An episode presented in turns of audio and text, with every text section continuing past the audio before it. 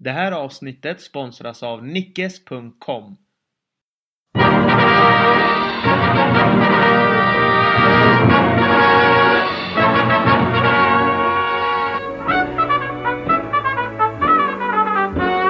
Bastardos con Gloria är tillbaka med ett nytt avsnitt och eh, vi bjuder på avsnitt nummer 44.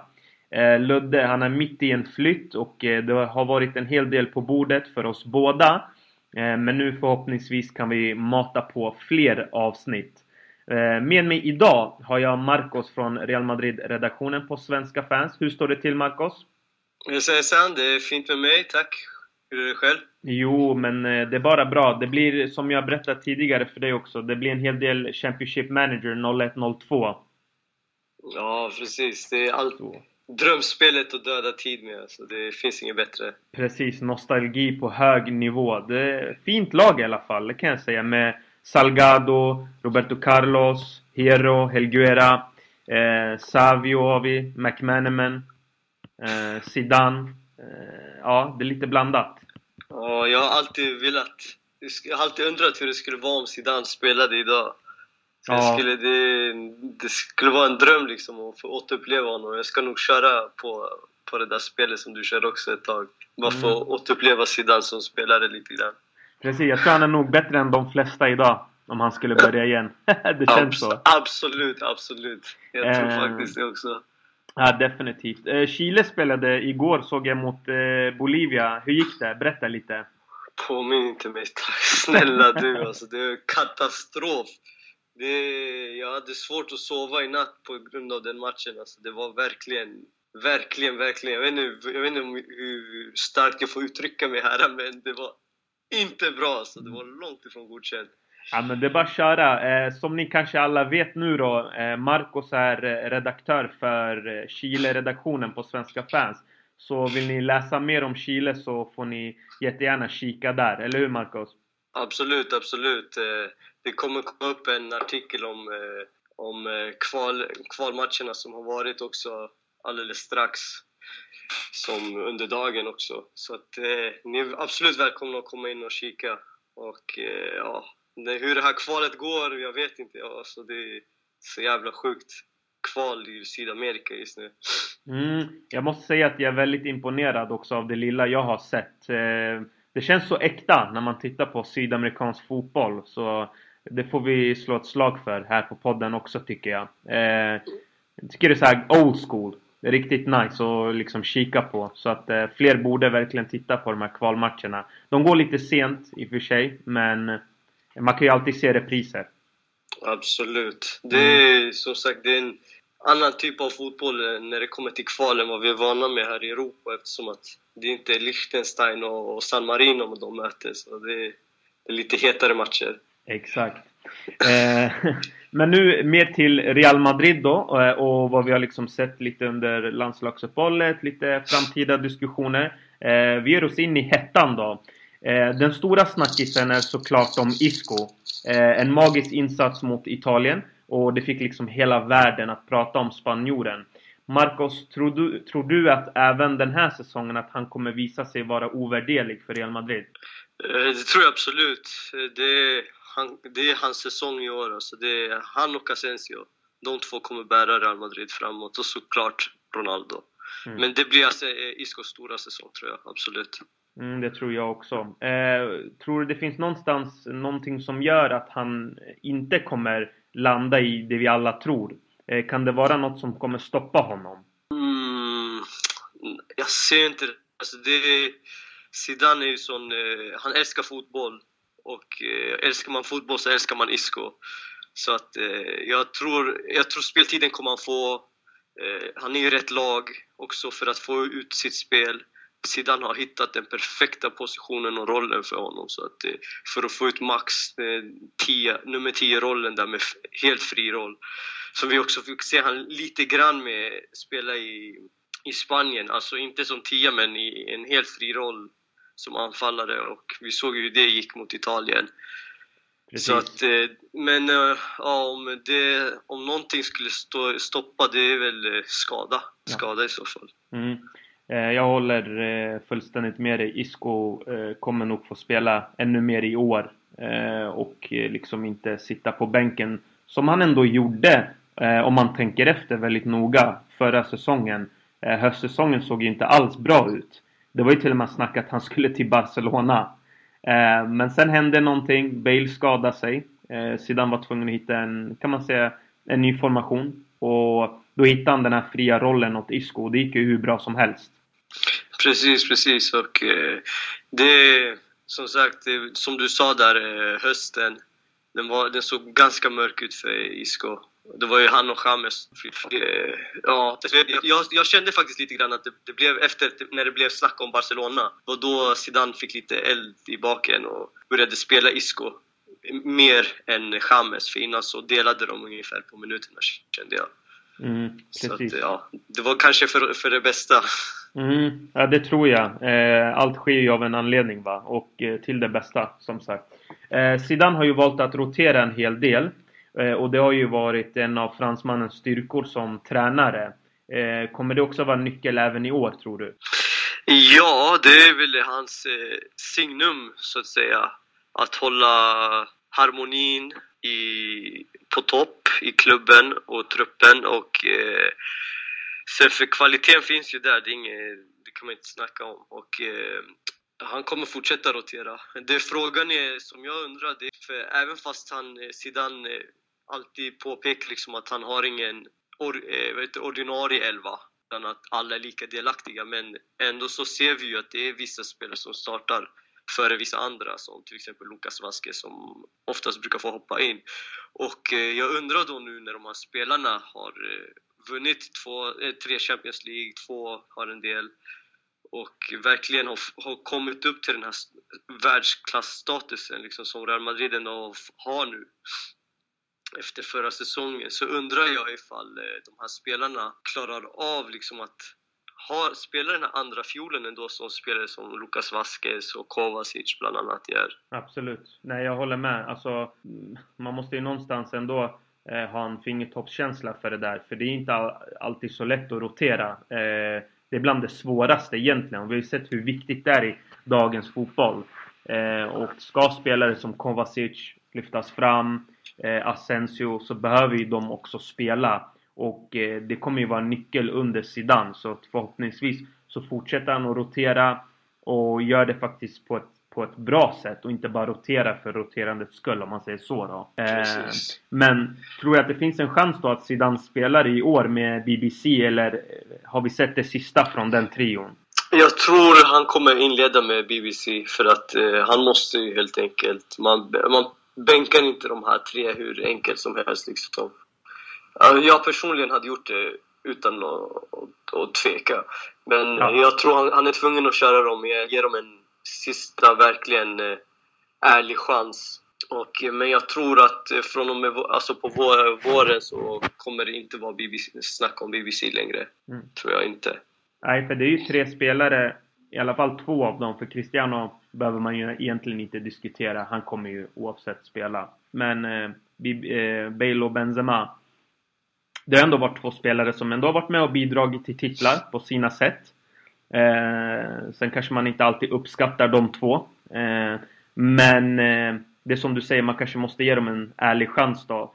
Eh, å andra sidan så, som du säger, det skulle vara lite nästan tjänstefel om Zidane spelar med BBC och inte väljer att ge Isco till exempel chansen från start.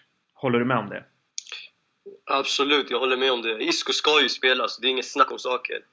Eh, vem sidan väljer att plocka bort, det, alltså det är ju enklast det är att plocka bort någon ur BBC eftersom att eh, resten av laget presterar ju faktiskt och bidrar väldigt mycket medan eh, de dubbelbenare har varit lite anonyma.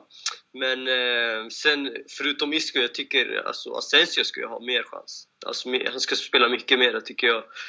Asensio och Isco, de ska, alltså, de ska ju spela, tycker jag. Jag förstår att Asensio börjar på bänken lite grann eftersom han är ju fortfarande talangen i laget, så att säga. Men eh, i slutet av säsongen tror jag att han kommer att vara ordinarie tillsammans med Isco faktiskt. Ja, det skulle och, inte förvåna någon. Om, om, eh, om Asensio tar en startplats. Precis, det nya eh, som de kallar för CIA istället för istället för BBC där med Cristiano, Isco och Asensio. Mm. Precis, nej men absolut, jag håller med. Alltså, det måste ju... Man måste jag tror ju det gå skulle efter... vara framgångsrikt. Mm, alltså man måste ju gå efter form. Och går man efter form så är det ju de två spelarna just nu som ska spela. Men sen får vi se hur det utvecklas under säsongen. Eh, hur ser du på Bales framtid, Marcos? Eh, tror du han har någonting kvar att erbjuda? Eller kan det vara så att det här är kanske den sista säsongen eh, för honom i klubben? Bale, alltså, jag, jag, tror det är hans sista säsong faktiskt. Jag tror det blir hans sista säsong. Han har United med Mourinho som verkligen vill ha honom.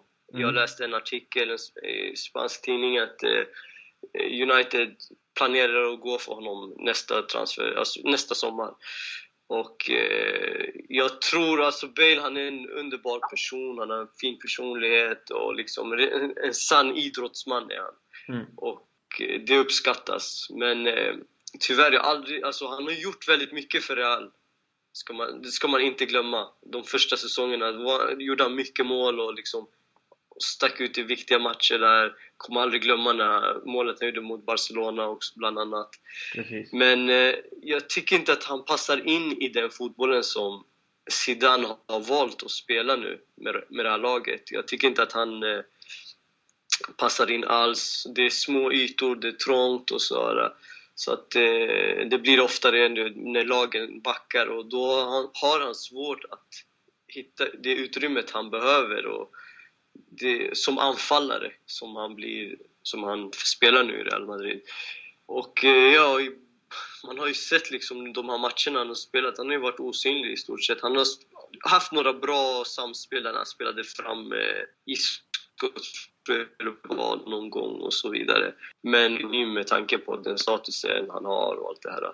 Så jag tror, jag tror det blir hans sista säsong och vi får se. Vi får se helt enkelt. Men Eh, Bale då, är hämmad av sin eh, tidigare skada. Eh, de, jag såg ett tv-program på spansk tv också, där de pratade om Bale och de analyserade liksom att han, verkligen hur, hur försiktig han är. Hur han inte vågar liksom gå in i de här duellerna och liksom verkligen akta sig. Så att det hämmar ju honom väldigt mycket också i dagsläget. Precis. Mm. Nej, jag håller med. Det är någon, det är någon, någon spärr, mental spärr just nu känns det som. Nu handlar det inte ens längre om vilken kvalitet han besitter, för han har kvalitet. Och man vill ju såklart att det ska gå bra för honom, för jag tror de flesta delar den uppfattningen att eh, det är en ödmjuk person. Ehm, det finns ingenting att hata hos honom som person. Eh, och då vill man liksom att det ska gå bra för honom, för han har ändå varit med och bidragit till titlar.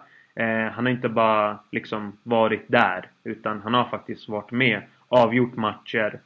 Eh, men vi får hoppas ju att han så småningom börjar komma igång, för eh, annars kan det lida mot sitt slut. Och gör han inte en kanonsäsong i år, då tror jag att det faktiskt är tack och hej. Eh, det är så jag ser det i alla fall. Eh, ja, jag håller med. Eh, truppen i sin helhet då? Vad ser du för styrkor och vart någonstans finns det svagheter? Styrkan, det är den individuella kvaliteten i truppen. Alltså det är spelare som liksom de fotbollshjärnor som hög kvalitet. Och det är den största styrkan. Liksom. Så de, det, finns, det är inget snack om att de kan vinna varje match. Det, det finns inget lag i Europa eller i världen som, um, som på pappret är starkare än Real Madrid just nu.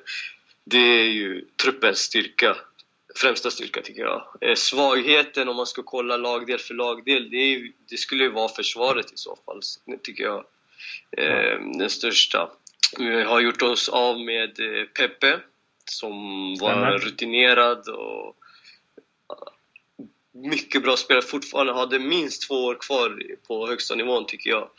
Och eh, jag skulle gärna sett att man förlängde hans kontrakt. Men eh, de, man gjorde sig av med honom och satsade på Vallejo istället. Eh, Vallejo, han gjorde det bra i Bundesliga, men eh, oprövad på den här nivån. Liksom. Så det blir återstå att se. Och sen eh, ordinarie, istället för Pepe, då är det ju Varann som tar den där rollen. Som, han går från att vara talang till att vara en ordinarie spelare liksom. Och eh, faran i det här är att eh, vi känner ju alla till Varans skadehistorik. Han skadar sig ganska ofta. och eh, kan bli så att han är borta som till exempel nu senast mot Valencia när, eh, när Real Madrid var tvungna att ställa upp med Nacho och Casemiro i backlinjen. Mm.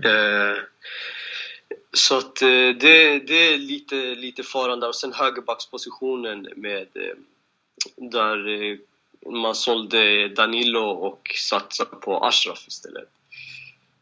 Ashraf han har ju, han har ju en fin framtid framför sig. Han debuterade för Marocko och gjorde mål och ser ut att kanske spela VM nästa år också. Så att, det är en bra spelare men om han håller i de absoluta största matcherna vet jag inte. Så det är faktiskt den största svagheten i laget skulle jag säga. Ja, men jag är beredd att hålla med. Jag menar, eh, Varane skadebenägen, Achraf oprövad. Eh, och eh, skulle det liksom dyka upp skador här och där, då kan det bli ganska jobbigt. Och då får man istället stå där med en, till exempel en Casemiro som mittback. Eh, och det gick inte så bra mot Valencia så att eh, eh man får ju hoppas att, att Zidane är smart där i roteringen för att eh, eh, mittfält och offensivt så då ska det inte vara några problem. Där finns det väldigt mycket backup men försvarsmässigt så kan det bli ganska tufft och om det vill sig verkligen illa då kanske Real måste agera i ett januarifönster vilket Real Madrid nästan aldrig gör. Eh, men låt oss hoppas att det inte händer. Eh, och i och med det så har vi också Reals spelschema här framför oss då, Marcos. Eh, Levante på hemmaplan. Real Madrid på hemmaplan mot Apoel. Sociedad på bortaplan. Eh, Real Madrid mot Betis på hemmaplan. Och Alaves på bortaplan. Eh, vad tycker du om spelschemat framöver? Hur ser det ut för dig? Vad tycker du? Mm, det är intressant faktiskt. Är... Levante bör man kunna slå hemma. Eh, Apoel lika, lika där och det är alltid skönt med Champions League. Jag älskar Champions League-matcher, speciellt när det handlar om Real Madrid också. Stämmer. Det är alltid kul. Så att, eh, sen tycker jag den här eh, Sociedad-matchen, den kan bli väldigt svår. Och eh, Alaves också kan också bli... Kan, man vet aldrig med Alaves, som kanske ställer till med någon skräll. Men eh, Sociedad, eh, största varnings Eh, varningstecknet där i, i Real Madrids närmsta spelschema faktiskt. Mm. Är det då kanske också Cristiano tillbaka? Jag vet inte, jag är lite osäker. Eh, det jag är också osäker på. Två matcher, eller fem matcher var han ju avstängd och eh, det var fyra ligamatcher va? Ja, just det. Något sånt var det. Ja. ja. Jag är faktiskt osäker på när han kommer tillbaka men... Du får ju hoppas till den matchen. Absolut! Och han är ju väldigt bra form just nu också så att, eh, han är mer än välkommen tillbaka. Verkligen! till den, speciellt till den matchen. Absolut, det är han och Isco och Asensio som verkligen har stått ut under det här landslagsuppehållet. Jag har inte sett Kroatiens matcher men av att döma så gick det inte så bra för dem. Ja, de förlorade väl senast ja. igår tror jag det var. Precis. Så att, så att, ja. Nej men det, det, det är bara kul att, att Ronaldo fortsätter på sitt spår liksom och fortsätter bomba in mål som han, är väl, eh, han, han blev, tog väl något rekord där som världens bästa, mesta målskytt i lands, landskamper eller något sånt där nu också. Så. Eh, ja, jag vet inte. Jag tror han kom i alla fall topp 5. Pelle i alla fall grattade honom på Twitter såg jag. Eh, men absolut, han är där bland toppen. Eh, när det alltid kommer till mål då. Men Marcos, vi, vi sa att vi skulle köra ett lite mindre avsnitt den här gången, så, så får det bli. Till nästa avsnitt så har vi väl mer att prata om. Nu har det varit landslagsuppehåll. Tack och lov att det är över i princip. Eh, ja. För man har verkligen längtat till klubblagsfotboll. Wow! Vad man har längtat.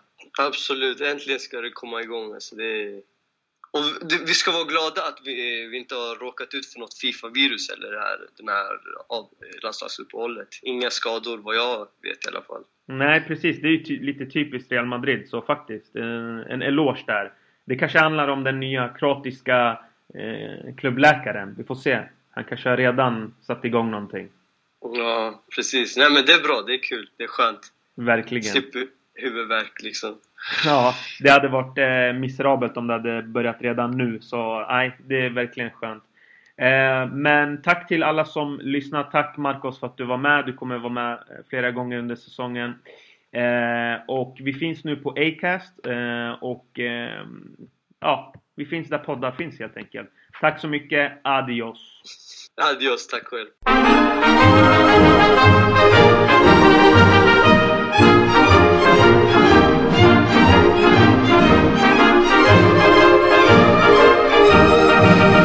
De las glorias deportivas que campean por España, va el Madrid con su bandera, limpia y blanca que no empaña Castizo y generoso, todo nervio y corazón Veteranos y noveles, veteranos y noveles miran siempre sus laureles con respeto y emoción. A la Madrid, a la Madrid, noble y bélico Atalid, caballero del honor. A la Madrid, a la Madrid, a triunfar en buena lid, defendiendo tu color. A la Madrid, a la Madrid, a la Madrid. A la Madrid, a la Madrid. No te el caballero del honor. A la Madrid, a la Madrid.